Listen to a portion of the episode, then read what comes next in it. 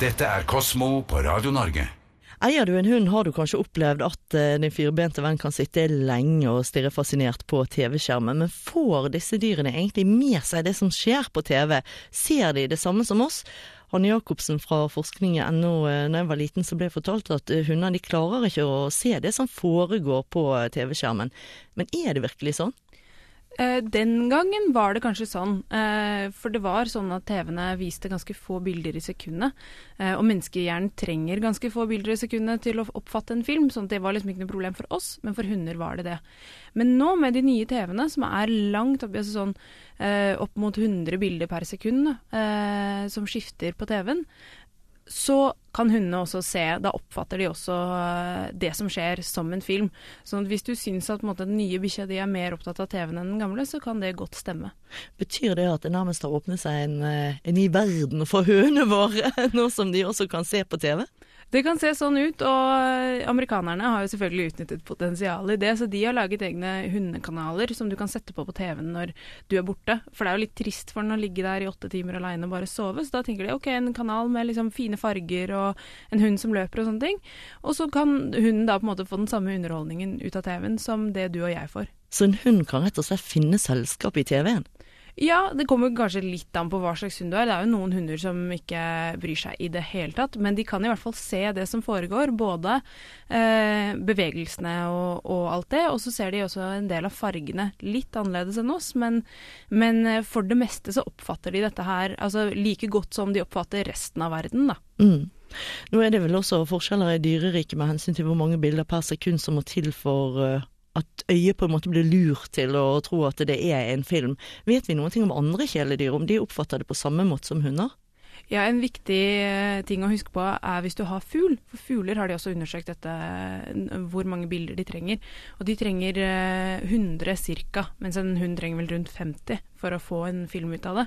Eh, sånn at på en, eh, en middels god TV, da, som ikke er helt oppe i 100 bilder per sekund, så blir det som å sitte inni et sånn diskolys, sånn der flashende blitslys for den fuglen. Det var veldig stressende? Altså, som et konstant epileptisk anfall for de stakkars fuglene. Sånn at hvis du har eh, Pippi i bur, så vil vi kanskje anbefale at du setter den på et annet rom enn der hvor TV-en er, med mindre du har skikkelig skikkelig high-end-TV. Men Hanne Jacobsen fra forskningen nå, en hunds fargesyn er jo annerledes enn eh, oss menneskers. Så likevel så ser de vel ikke bildene på samme måte som det vi gjør? Ja, fargesynet bestemmes jo av det som heter tapper, som ligger inne i netthinnen. Eh, og så må du ha minst to for å se farger og hunder har to, men vi har tre. Så det betyr at fargene blir mer nyanserte. Sånn at når vi ser rødt, f.eks., så ser de kanskje litt sånn gulhvitt. Eh, sånn at de ser jo ikke det samme som oss. Men de ser fortsatt godt på sin skala, da. Det er ikke noe forskjell mm. på å se på en TV og å se ut i virkeligheten. Eh, men eh, det er klart de har større problemer hvis Um, altså når de er fokusert på bevegelse, og det er en hvit isbjørn på et hvitt uh, isflak, så, så, har jo den større problemer enn du og meg. Men eh, er TV-synet likt for alle hunder, eller eh, er det forskjeller for si, i forhold til raser og sånn?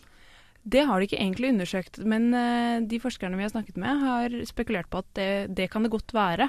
Uh, forskjellige raser er jo laget for å se forskjellige ting. En, en fuglehund er laget for å se bevegelse mot statisk bakgrunn. Da kan det hende at den er mer fokusert på TV-en, særlig hvis det er en fugl som flyr over der. Eh, men håndfaste bevis for det har de ikke. Kanskje man har det hjemme hvor man kjenner forskjellen på de to forskjellige bikkjene du har. Hanne Jacobsen fra forskningen nå. Amerikanerne sier du har utnyttet dette her og har laget egne hundekanaler som skal holde dyrene med selskap når en selv ikke er hjemme.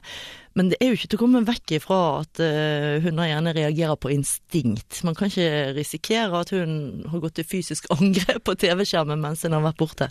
Jo, det er jo en sånn klassisk greie hvor hunden eh, ser at rypa går ut av, av TV-skjermen, og så følger den etter bak, eller den hopper på hvis den ser et reinsdyr, hvis den er vant til å gå på jakt. Sånne ting kan skje.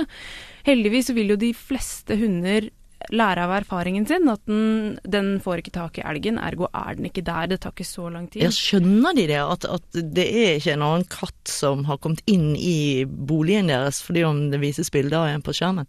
Hvis hunden er smart, så skjønner han det, men uh, med lite forbehold om at hvis uh, hunden din gang på gang på gang på gang prøver å ta den katten, så er den nok mer styrt av instinkt enn på en måte de aller fleste hunder, og da kan det bli vanskelig å, å bare få den til å forstå. Da må man heller bruke trening og kommandoer og sånne ting for at den ikke skal fly på gullrekka hver fredag kveld. Ja, du har jo en golden retriever uh, selv som er en ivrig TV-titter.